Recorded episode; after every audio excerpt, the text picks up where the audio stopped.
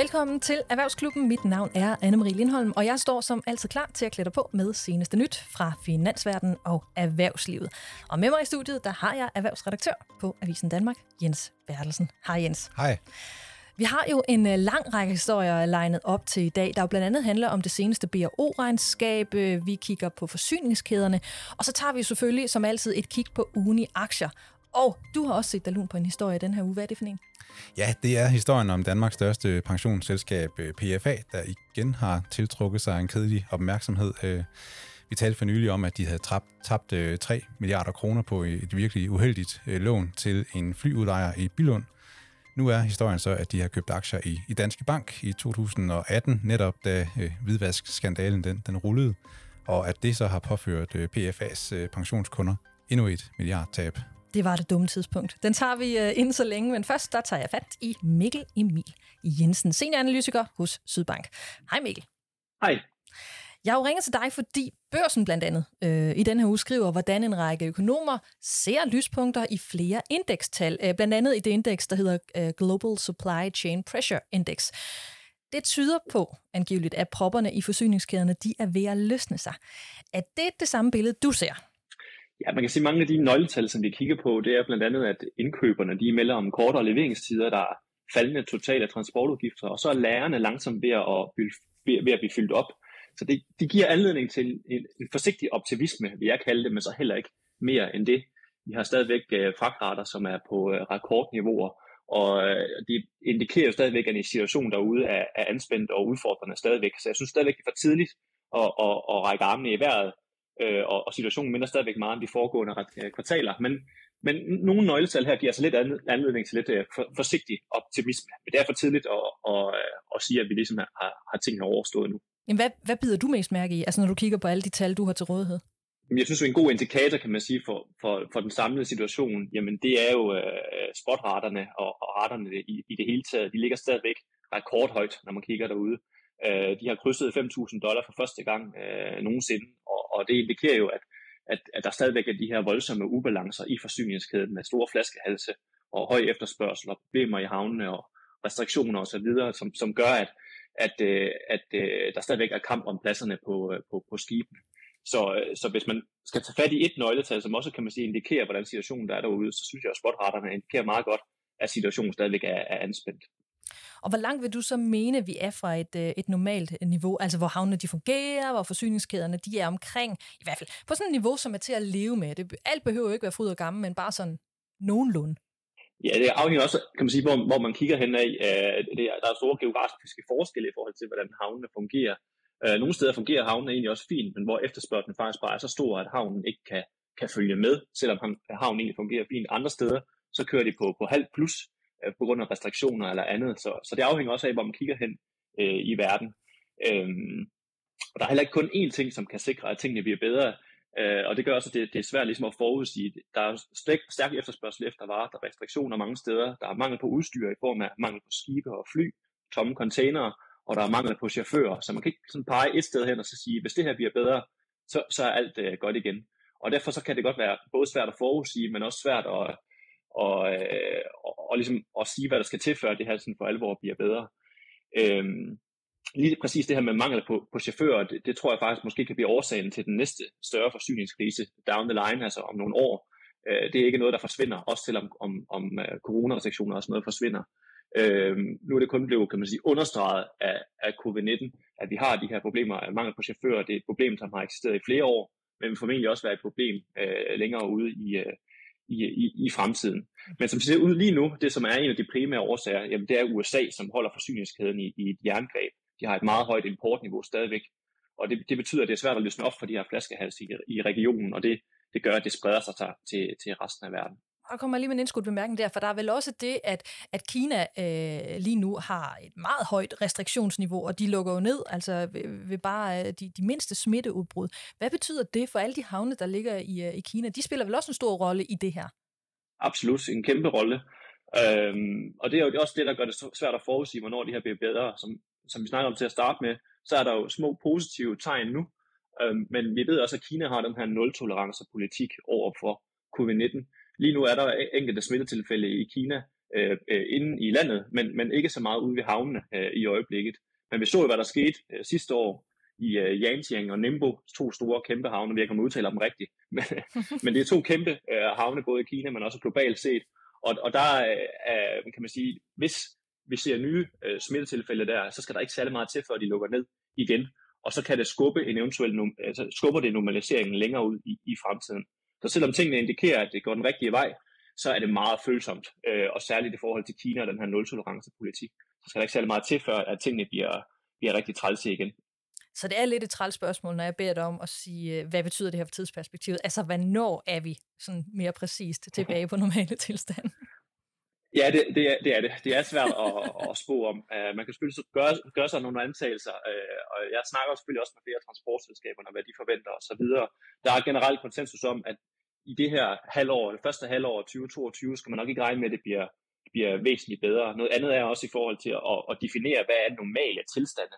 Jeg vil, jeg vil argumentere for, at vi ikke kommer tilbage på fragtrateniveauer, som ligger fra, på, på over niveauet fra før covid-19. Tingene vil selvfølgelig stabilisere sig. Når der kommer en bedre balance mellem udbud og efterspørgsel, så vil fragtraterne falde. De vil også falde ret markant, men de vil nok ikke komme tilbage på niveauet fra før øh, 2019 og før covid-19. Øhm, så, så vi vil se en eller anden form for stabilisering på et niveau, der ligger over det, vi egentlig er, er vant til. Hvis nu også skal være helt ærlig, så tror jeg også, at virksomhederne har været lidt forkælet i flere årtier, øh, som følge af, af ekstraordinært lave fragtrater. Så, og, og der kan man også se, at rædderierne, rædderierne har haft rigtig svært ved at tjene penge i de år.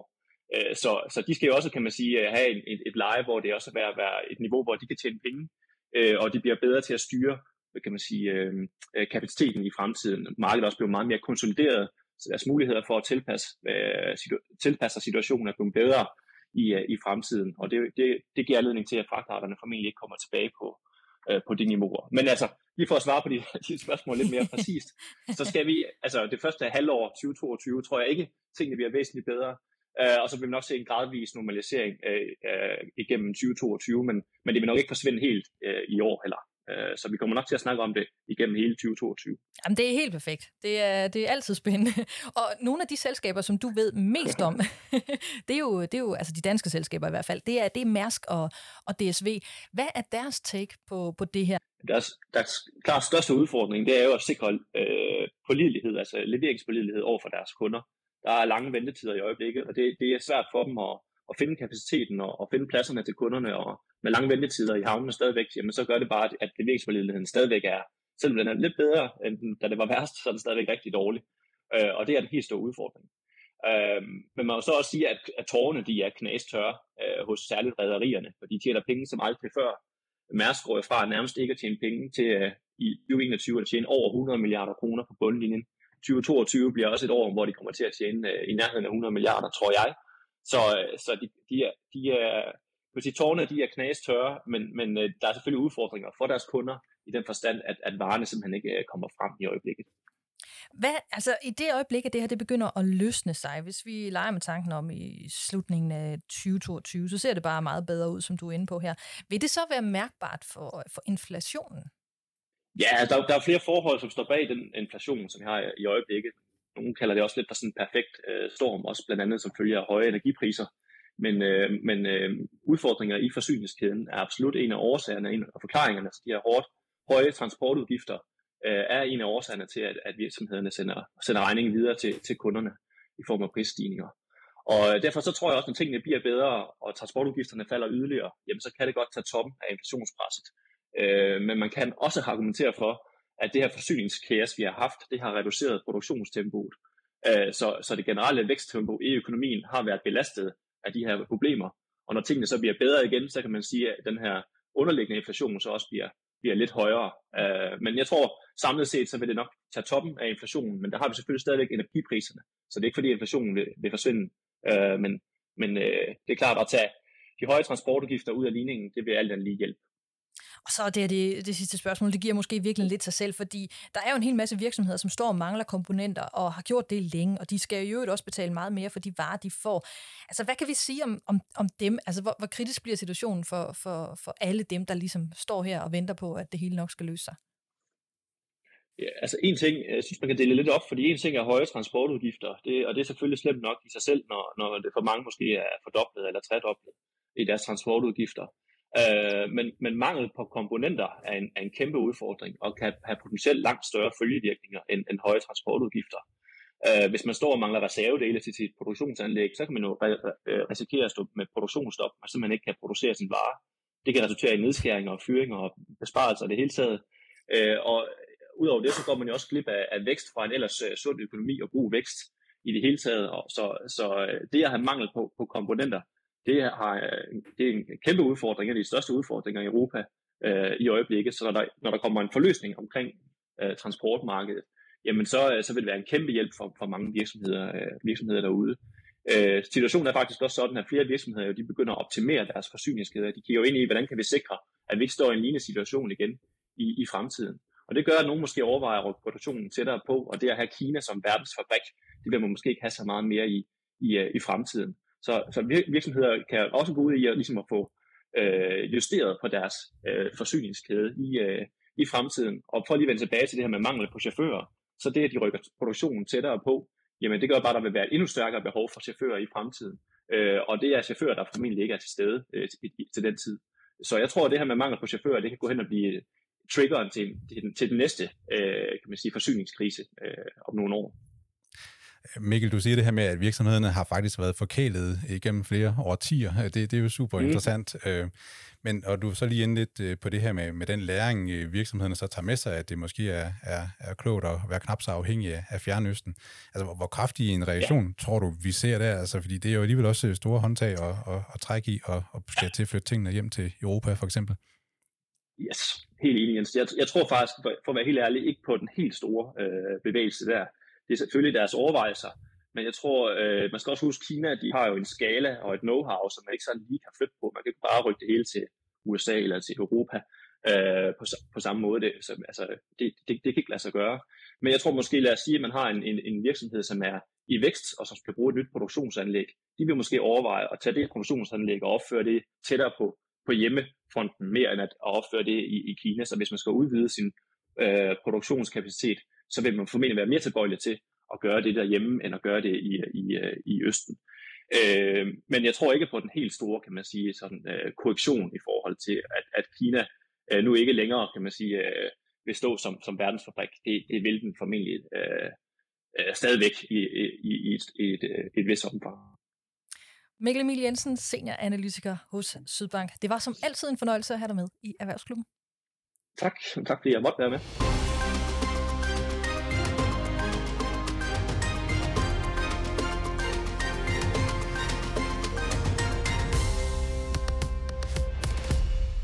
Jens, lad os øh, samle lidt op på en historie, vi havde med lige op til jul. Øh, nemlig den om øh, PFA, som jo havde tabt historisk mange penge på en investering i øh, flyselskabet Nordic Aviation Capital. Det var 3 milliarder, der gik tabt af flyselskabet. De blev så hårdt presset på grund af corona, at de måtte søge konkursbeskyttelse i USA. Nu viser tal, som Finans har set nærmere på, at den egentlig er lidt gal igen, fordi i efteråret 2018, der købte PFA øh, ret markant op i øh, Danske Bank-aktien, som blev pensionsselskabets største aktieinvestering. Efterfølgende så er Danske Banks kurs faldet kraftigt. Jens, du har kigget på tallene. Hvad ja, viser de? Ja, det har jeg. Det, der begynder jo at tegne sig et mønster, fordi PFA var jo engang helt i toppen blandt pensionsselskaber, der, der tjente flest penge til, til kunderne. Og det er de bestemt ikke længere. De ligger og roder rundt nede i, i bunden. Og det er bare helt forkert, når man har ansvaret for, for 1,3 millioner danskers øh, pensionsopsparing. Men altså, der er jo sket det, at, at PFA tilbage i 2018, som du sagde, der valgte de at satse massivt på Danske Bank-aktien. Og det er Finans, der har regnet sig frem til, at øh, PFA købte for 5 milliarder kroner i Danske Bank-aktier dengang. Og det var virkelig uheldigt, fordi siden er, er aktien faldet meget. Øh, værst var jo øh, hvidvaskskandalen, som, som ikke er afsluttet endnu. Vi mangler stadigvæk at få udmålt nogle, nogle bøder øh, og noget til Danske Bank. Men øh, banken har også haft andre skandaler siden, som i sig selv har været slemme, men jo også sådan overordnet har belastet øh, Danske Banks image. Øh, banken har udskiftet stort set hele sin, sin ledelse, og, og de, de lider under den her vedvarende øh, kundeflugt, så, så der er meget, der ikke fungerer i den øh, investering. Og som jo også er kontroversielt, fordi pensionsselskaber jo, altså ligesom os andre, kan du sige, skal jo være meget forsigtige med at lægge så mange penge i et selskab. Og selvom Danske Bank er Danmarks øh, største finansielle virksomhed, og PFA tidligere har haft succes med, med finansaktier, så, så ser det her jo, jo altså ikke øh, særlig kønt ud. Ja, og, og vi ved jo ikke helt præcist, altså hvor stort øh, tabet er. Jeg ved, at Finans er, er inde på sådan nogle, et slag på tasken, altså fordi vi har jo faktisk nogle ret gode markører. Øh, markører. Hvor stort et tab er det her, når vi også prøver at sætte det lidt i perspektiv? Altså Finans anslår tabet til omkring 1,4 milliarder kroner på, på den her investering, fordi at aktien ligger 25 procent under øh, dengang PFA købte øh, aktierne. Øh, Øh, det er ikke så meget i forhold til, at, at PFA forvalter en pensionsformue på, på 600 milliarder kroner, men det er alligevel et stort enkelt tab, og, og det rejser jo spørgsmål, altså hvor dygtige de er til at investere folks penge, og også i forhold til, hvis, øh, hvis folk altså pensionsopsparerne bare selv øh, sådan fuldstændig konservativt øh, sat deres penge i nogle øh, investeringsforeninger. Mm. Ja, du var inde på lige før, at PFA ligger og ruder sådan lidt rundt nede i bunden. Ikke? Altså, hvordan klarer de sig sådan helt generelt sammenlignet med de andre pensionsselskaber? Jamen det er der flere opgørelser, øh, der kommer øh, hvert år på, på det, og der ligger PFA altså dårligt, og PFA har selv indrømmet, at, øh, at der skal en anden investeringsstrategi til. Den er de begyndt at, at rulle ud nu, øh, og det skulle også allerede have givet nogle gevinster i, i slutningen af, af 2021. Øh, det må kunderne jo så se, om de kan genkende fra deres egen øh, pensionsoversigt. Men, men meget tyder på, at, at PFA, dels så har de ramt forkert på nogle meget dårlige enkelte investeringer, som, som vi har talt om her. Øh, men de har også læst markedet forkert, forkert, så de har været for forsigtige sådan med det generelle aktiemarked, og hvor de slet ikke har fået de gevinster hjem, som, øh, som andre har fået i de, i de senere år. Altså, da vi talte om historien om, øh, om øh, Nordic øh, Aviation Capital, der pointerede du jo, at selvom selskabet så stærkt ud, altså dengang PFA de, de investerede, så var og, og er flybranchen lumsk. Og spørgsmålet var jo så, om, om, om PFA øh, på det tidspunkt havde den nødvendige know-how, altså til at investere så stort i en lumsk branche. Kan den pointe øh, genbruges, altså i den her sammenhæng også, når investeringen den hedder Danske Bank? Nej, det synes jeg ikke, fordi med Nordic Aviation Capital, der kan man jo spørge, om PFA overhovedet anede, hvad det var, de havde med at gøre.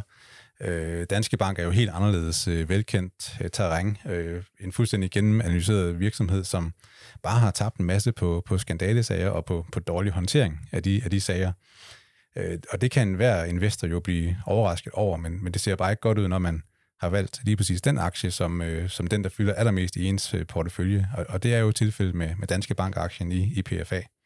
Og altså skal man, man kan også drille lidt og sige, jamen, Danske Bank har jo også deres eget pensionsselskab, øh, Danica, som ligger noget bedre i, i målingerne oh. end PFA. Oh, så når PFA ligger dårligt, så er det jo til dels, fordi de har lavet en, en fejlslagen investering i deres egen konkurrent.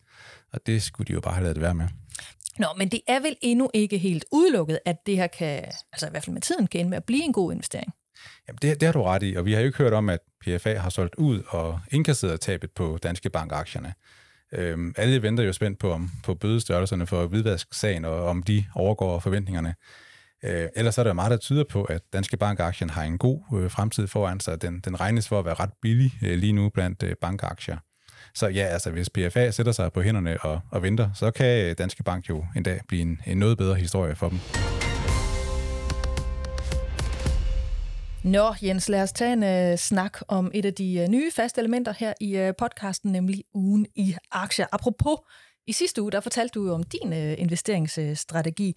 At det her med, at du kun investerer i fonde og indeks, og som regel, så skæler du ikke rigtigt til din investering på ugenlig basis. Og efter den her uge, så har jeg lyst til at spørge, har du kigget bare lidt i den her uge? Ja, det må jeg indrømme, at jeg har, og det har ikke været særlig sjovt. øh, de der røde tal, der dukker op på år til dato, det, øh, det, det skimmer lidt op i mit hoved, selvom året er, er ungt endnu. Øh, men jeg prøver så også at glæde mig over en god ting, jeg gjorde, fordi øh, tilbage i november læste jeg en artikel om, at, at øh, nu kunne de amerikanske tech-aktier ikke holde til mere. Øh, og det var, havde folk jo sagt det gennem hele året sidste år, hvor de aktier bare tonsede op. Mm. Men den her gang, der lyttede jeg og gik hjem og solgte det hele, og øh, jeg havde en investeringsforening, der sådan fulgte de der store IT-aktier, specielt de amerikanske. Og det var så klogt, fordi jeg fik solgt lige på, på toppen og slappe ud i tide, så det er jo sjældent, man har den der oplevelse. Og nu funderer jeg så på, om det var lidt dumt alligevel, fordi IT er det, der får verden til at snore, så som på længere sigt, så er det nok et, et rigtig fint sted at være. Så hvor er du hen lige nu i forhold til den investering? Skal du hjem og købe igen? Ja, det kan være, jeg skal Nå. se på det, ja. Men hvad med dig selv? Jeg er lidt spændt på, hvad, hvordan din skærm ser ud. Jamen, jeg gider ikke snakke om den. jo, det skal jeg jo. jeg er simpelthen så træt af det. Jeg kiggede i begyndelsen af ugen og kunne se, at alt, hvad jeg øh, har investeret, sådan stort set siden begyndelsen øh, af, min, øh, af min investeringskarriere, som jo er relativt lille. Jeg har kun været på markedet i halvandet år. Øh, det var, det var rådet. Så det, det, er, det er kun, kun alt, alt er rødt. Og, øh, og jeg er jo desværre ikke ligesom dig, det snakkede vi også om i sidste uge, at jeg har alt for mange enkelte aktier, som er bonget meget negativt ud. Helt masse danske øh, aktier, som klarer sig rigtig dårligt lige nu. Så øh, mod lysere, bedre tider forhåbentlig. Men det ved jeg ikke rigtigt, om det bliver i år, at det sker. Og en masse gode råd i erhvervsklubben, så kan det være. Ja, og apropos dem, så synes jeg, vi skal tage fat i en af, en af de, øh, som vi øh, kan læne os en lille smule op af at få forhåbentlig nogle gode råd. Tine Choi Danielsen, chefstrateg hos PFA. Hej med dig. Hej. Jeg har jo taget dig med, fordi vi skal snakke om ugen på, på aktiemarkedet. Men har du noget som helst opløftende nyt lige her til at begynde med? Ja, nu så har vi jo set, at øh, det har været lidt øh, først den ene vej, og så den anden vej, og nu, nu ser det ud som om, at der er kommet lidt ro på, på gemytterne igen, at, at vi har fået grebpriset hele de her øh, renteforhøjelsesudsigter fra den amerikanske centralbank. Og det har altså lige skabt lidt plads til, at, at aktierne er kørt op igen. Og øh, vi, vi må jo indse, at, øh, at det kan, altså vores forventning er, at det, det kommer til at fortsætte, at aktierne vil drifte opad i år også, fordi vi befinder os stadigvæk i et, øh, i et 30-årigt stærkt opsving øh, i den globale økonomi, og det er altså godt for indtjeningen. Okay, men hvad er det for en uge, det har været på aktiemarkedet? Fordi det her, det lyder jo sådan set, at jamen, på en lang bane, så er det meget godt. Men, men er det ikke øh, rigtigt set, at, at øh, den her uge, den har været, den har været streng? Oh, den, den har været meget, øh, og først, som jeg sagde, først den ene vej, og så den anden ja. vej. Øh, og, og også meget overraskende, øh, at, at vi reagerede så kraftigt, fordi det, det er jo ikke, jeg, jeg vil sige, det, det har jo ikke været nogen overraskelse, at, at Federal Reserve øh, var begyndt at, ligesom at flage, at der skulle komme nogle renteforholdelser. Vi har heller ikke været uvidende om, at inflationen har været øh, øh skyhøj i, i USA. Øhm, men, men, men det, der selvfølgelig har, har overrasket, det er jo så tempoet, hvor med de nu signalerer, at de vil, øh, vil stramme pengepolitikken. Og det skulle markedet altså lige, øh, lige tage til sig og, og få repriset renterne, så de er i stedet, og det har selvfølgelig sænket øh, øh, aktiemarkedet. Ja, og ikke, øh, ja, undskyld, hvis, bare fortsæt. Hvis der er noget, vi ikke hvis der er noget, vi ikke bryder os om som aktieinvestorer, så er det jo, når renterne de rykker på sig hurtigt. Vi er ikke så nervøse for niveauet i sig selv, men når det sker på så kort øh, i, i så, på så kort øh, tidshorisont, jamen så, så er det altså noget, der lige går ind og rammer, og, og, og som, som vi også allerede nævner, jamen så er det jo de grantefølsomme sektorer, som, som især tech-aktierne er, øh, som især har lidt under det. Men også de danske aktier i den her uge har set øh, ærgerlige ud øh, for flere af dems øh, vedkommende. Altså hvem er det især, der har trukket i den gale retning?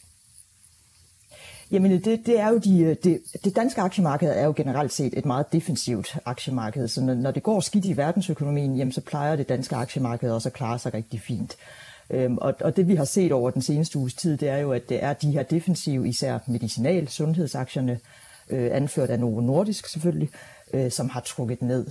Øhm, og, og når vi har så store medicinalselskaber, og Novo Nordisk, der fylder så meget på det danske aktiemarked, øh, og, og de så falder med, med en 10 procent, jamen så, så kan det altså mærkes overordnet set på det, på det danske aktiemarked også. Så det, det er en af de helt store forklaringer.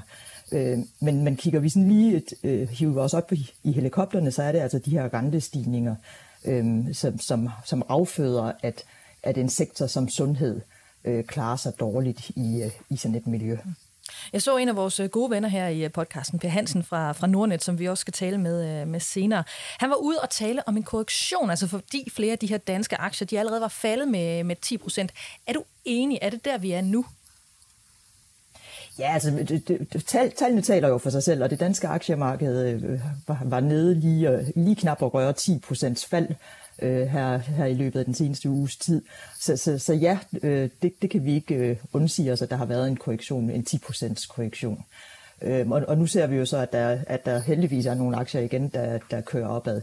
Men, men det sagt, så vil jeg sige, det er jo altid farligt bare at kigge på, på det danske aktiemarked over en kamp, fordi igen, jamen når, når en, en så stor virksomhed som Novo Nordisk, der fylder øh, absolut mest på vores aktiemarked, øh, falder meget, jamen, øh, så trækker det jo det overordnede marked ned.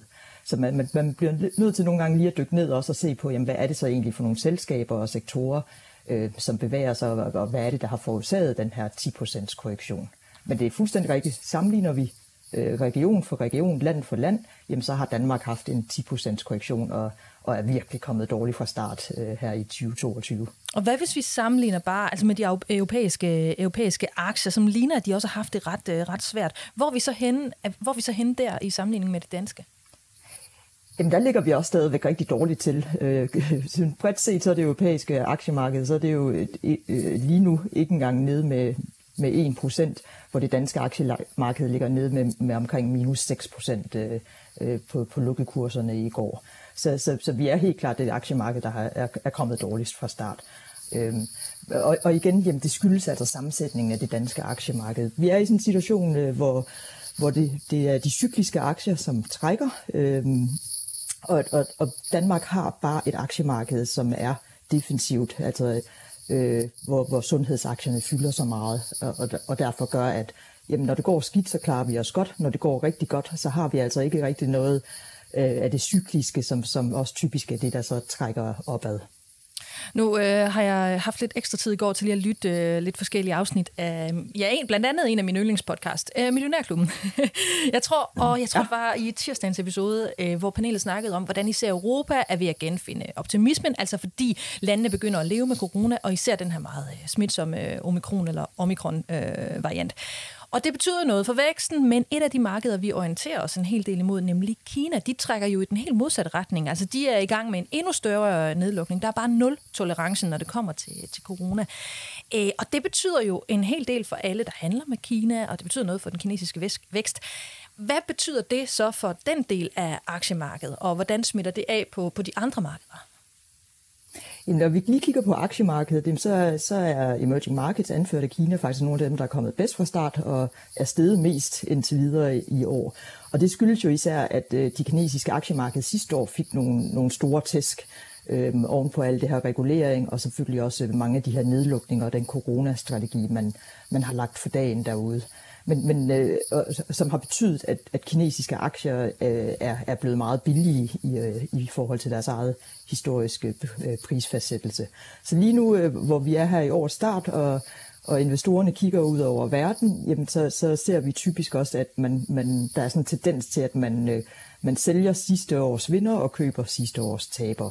Og det er formentlig det, vi ser lige nu, at, at til trods for øh, omikron i Kina og nedlukninger af både store byer og havneområder og sådan noget lige nu, jamen så, så er det faktisk de kinesiske aktier, der, der ligger, ligger bedst ud i år. Men Tine, har du, har du tænkt over, hvad det sådan kommer til at betyde for, for aktiekulturen herhjemme? Fordi nu har vi fået rigtig mange flere mennesker til at gå ud og investere. Nogle har opsparing, de ikke har lyst til at betale negative renter af, og, og så har de haft den her gode oplevelse, som du siger, at øh, næsten alt har, har haft fremgang og nu kommer det til at gå lidt den anden vej. Øh, hvad, hvad tror du, øh, det kommer til at betyde for, for den her holdning til, at vi alle sammen godt kan investere? Jeg, jeg, jeg tror, det vil være øh, uddannende nummer et. Jeg tror, at, at øh, som, som det helt rigtigt, som du siger, det her med, at der har været medvind på, på stort set alle, alle fronter, jamen, har jo gjort, at interessen er steget, og det har været rigtig, rigtig positivt. Og så er det altid dejligt, at når man starter med at investere, at så går det den rigtige vej. Ikke? Og så håber jeg selvfølgelig, at, at, at når man så kommer ind i sådan en periode her, hvor vi kommer til at opleve nogle større udsving, at så er man som investor forhåbentlig også så oplyst, at man ved, at aktiekurserne de svinger, og de kan altså svinge relativt meget på, på korte perioder. Ikke?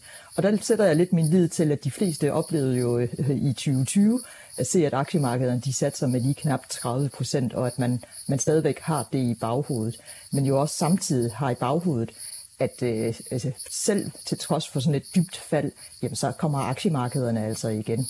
Øhm, så derfor skal man holde fast i sine investeringer. Men, men, men du har fuldstændig ret, at der kan selvfølgelig vil det skabe noget nervøsitet, og selvfølgelig vil det gøre, at der er nogen, øh, som formentlig godt kunne blive lidt nervøse for, hvad der sker med deres penge. Ikke? Men, der, men, men der kan jeg kun sige, jamen hold fast i strategien, fordi når du engang har besluttet for derfor, at det er værd at gå ind og investere dine penge, og du ellers bare har en tidshorisont på, på 5-10 år, jamen så hold fast, for det skal nok rette sig igen. Så går det hele alt sammen. Tine Choi Danielsen, chef, øh, chefstrateg hos BFA. Tak fordi du var med i Erhvervsklubben igen. Selv tak. Du kan få meget mere erhvervsstof fra erhvervsredaktør Jens Bertelsen og alle de andre journalister på Avisen Danmark ved at klikke dig ind på avisendanmark.dk. Onsdag fremlagde Banger Olufsen øh, kvartalsregnskab. Det var deres andet, fordi de kører med sådan en forskudt øh, regnskabssæson. Og lige umiddelbart, der kunne jeg ikke rigtig spotte nogen former for breaking news, men det viser sig også, at det i sig selv nærmest blev en overskrift, altså især hvis du har aktier i øh, selskabet. Med mig, med os, Jens Bertelsen og mig, der har vi Per Hansen, aktieanalytiker hos Nordnet. Hej Per. Hej, og hej igen. Du har set nærmere på regnskabet fra øh, Banger Olufsen. Hvad siger tallene? Jamen tallene de siger egentlig på den gode side, at omsætningsvæksten den fortsætter. Men på den negative side, der er det uheldigt eller dårligt eller skidt nyt for investorerne på kort sigt, at indtjeningen den ikke rigtig følger med. Så der er blandt andet fortsat for store udgifter til chips, og der er for store udgifter til at transportere Bang Olufsens produkter rundt i verden. Det er jo det, som er et øh, vilkår, som mange virksomheder er nødsat til at leve med.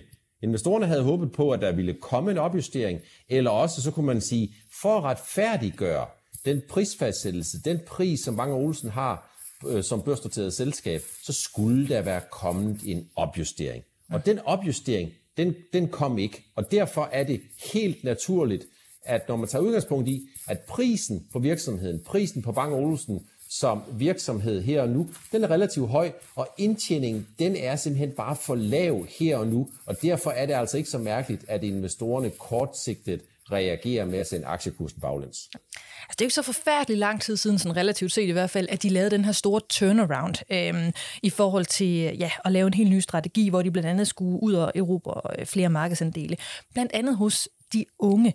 Øhm, og der kom jeg til at tænke en lille smule på, at, at så vidt jeg har forstået, så en af de ting, de har haft særlig stor fokus på, det er at udvikle øh, den her software, som der er i alle deres øh, øh komponenter, ikke? sådan så de blandt andet bliver bedre til at spille sammen, øhm, som jo også er noget, der betyder helt vildt meget for ja, unge, så vidt som, som gamle.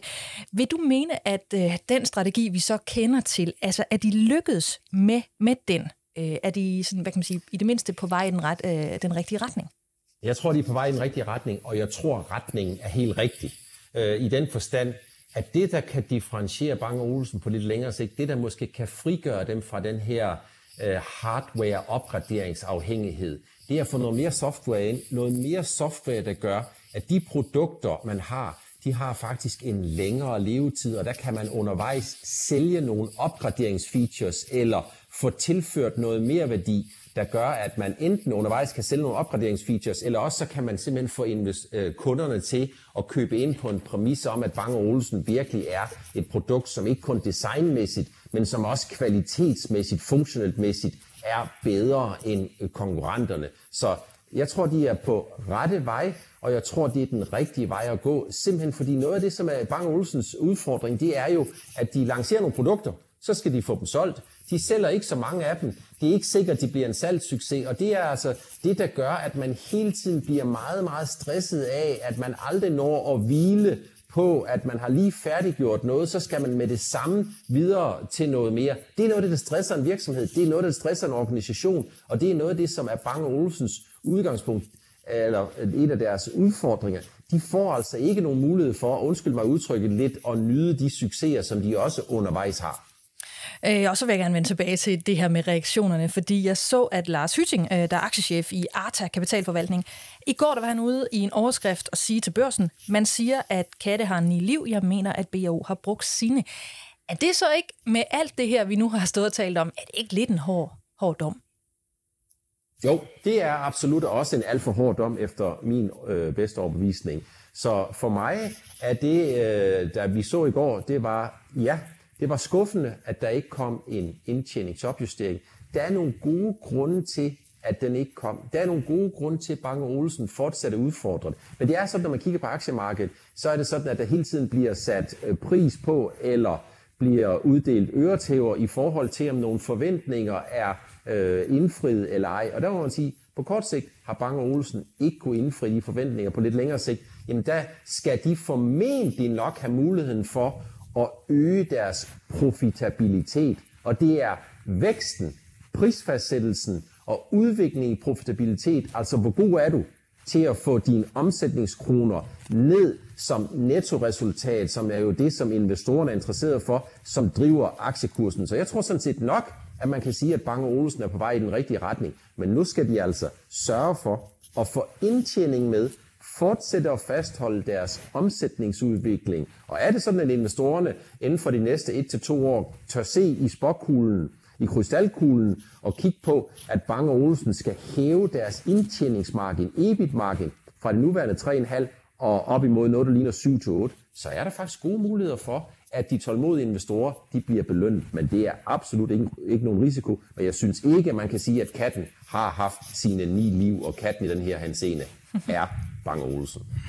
Men Per, jeg tænkte på, altså, jeg, er med på, at investorerne er skuffet over de her tal, men øh, som du også startede med at sige, så er det jo en virksomhed, der har skabt noget, noget vækst øh, i, en, i en svær tid. Øh, de har jo levet godt med, at folk ude i verden har siddet og, og, og glot på en væg derhjemme, hvor der godt kunne hænge tv til, til 80.000 kroner, og, og så har de også øh, øh, købt det. Men jeg ved ikke, jeg tror du, at BO, BO har fået et boost under corona, som, som holder, altså sådan, at de nye kunder, de hænger ved? Eller tænker investorerne mere, at, at nu kommer der en svær tid, fordi nu har folk fået noget andet at gå op i, end at, end at have den rigtige øh, hjemmebiograf med de rigtige højtalere? Jeg vil rigtig gerne kunne sige enten det ene eller, øh, eller det andet. Men jeg, men jeg tror, det er lidt af det hele. Jeg tror, Bang og Olsen har fået et boost af, at vi som mennesker sidder derhjemme, har været isoleret, har været lukket inde, har været holdt inde, har været bange for, hvad covid kunne gøre ved os som mennesker, og vi har også fulgt de retningslinjer, som der bliver givet af myndighederne. Så på den ene side, så tror jeg, at det allerede har haft en effekt. På den anden side, og noget af det, der gør mig langsigtet mm, øh, lidt mere optimistisk, det er, at Bang og Olsen, de har forstået, at de skal ikke være alt for alle. Bang og Olsen, de skal være på færre markeder. De skal fylde noget mere på det enkelte marked. De skal have noget mere tyngde. De skal hurtigere til markedet med nye produkter, og de skal simpelthen bare være bedre til at få noget mere ud af det, som de allerede producerer. Og det er i den henseende, man kan sige, jeg tror, det er hverken eller. Jeg tror, det er både og. Jeg tror, at investorerne skal indstille sig på, at efter corona er færdig, efter corona ikke længere er en pandemi, men overgår formentlig i løbet af nogle måneder eller kvartaler til at være en epidemi, jamen så tror jeg, man kommer til at se, at omsætningsvæksten godt kan gå en lille smule ned.